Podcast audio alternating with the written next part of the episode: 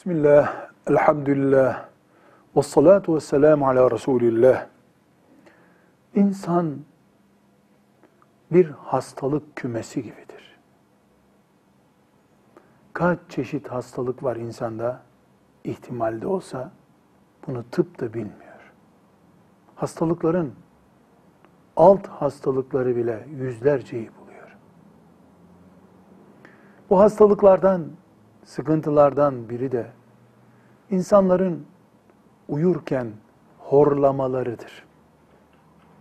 Horlama birinci kademe, ikinci kademe, üçüncü kademe, dördüncü kademe derken ikinci bir insanın uykusunu hatta rahat oturmasını etkileyecek kadar da aşırı olabilir.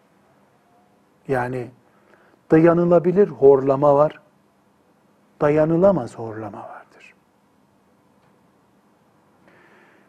Horlama bir hastalık, sıkıntı ama Allah'ın izniyle çaresiz bir sıkıntı değildir. Tıp mücadele ediyor.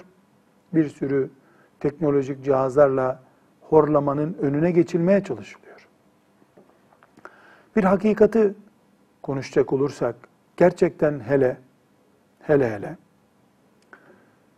uykusunda titiz olan, küçük bir sesle uyanmak zorunda kalan insanlar horlayan birisinin yanında uyuyamazlar. Uykusuz sabahlamak zorunda kalırlar. Karı ve koca bir yatakta yatarlar. Kadın ve kocanın geceyi uzun süre ayrı yatakta geçirmeleri mümkün değildir. Bir gün, iki gün olabilir. Bir ömür eşi horladığı için başka yatakta yatmak zorunda, başka odada hatta yatmak zorunda kalan bir eş, evlilik hayatı açısından stresli bir evlilik yapıyor demektir evlendiği eşi, erkek veya kadın açısından, kimin açısından bakarsak bakalım, ileri derecede, yanında uyunmaz boyutta horluyorsa, eş boşanma talebinde bulunabilir mi? Şüphesiz, neredesin ey insanlık?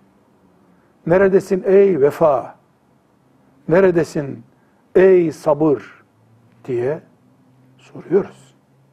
Ama bir gece, bir ay, bir sene, onuncu sene, yirminci sene ve akşamdan sabaha kadar. İnsanız, aciziz. O elinde olmadan horladığı gibi öbürü de artık elinde olmayacak şekilde dayanamıyor olabilir. Ne yapacağız? Kesinlikle Rabbimizin ihsanı olan tıbbı sonuna kadar değerlendireceğiz. Aylarca sürse bile, 10-20 hastane dolaşmamızı gerektirse bile tedavisine bakacağız. Yastık mı değiştirmek gerekiyor? Akşam şunu yememek mi deniyor? Doktor mesela 10 kilo zayıflarsan horlamaz, horlamazsın mı diyor. Deneyeceğiz. İtaat edeceğiz doktora. Sonra da buna rağmen artık dayanılmaz düzeyde ise ki bu düzeyde horlayan birisinin yanında uyumayan bunu anlamayabilir ne demek olduğunu. Psikoloğa müracaat edip bu evliliğimizin devam etmesi için uygun mudur bir ortam diye istişare etmek gerekir. Eğer psikolog senin dayanma gücün kalmamış derse eşler ayrılmakta sakınca görmemelidirler. Ama bu beyin ameliyatı gibi en son müracaat edilecek seviye olmalıdır. Birbirlerine iftira etmeden, başka kabahatler yüklemeden tatlı tatlı ayrılmasını bilmelidirler. Acı hoş değil ama gerçek böyle.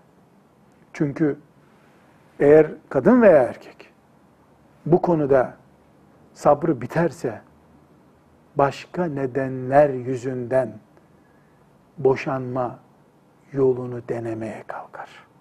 Bu ise küçük bir olaydan büyük facia üretmek olur. Velhamdülillahi Rabbil Alemin.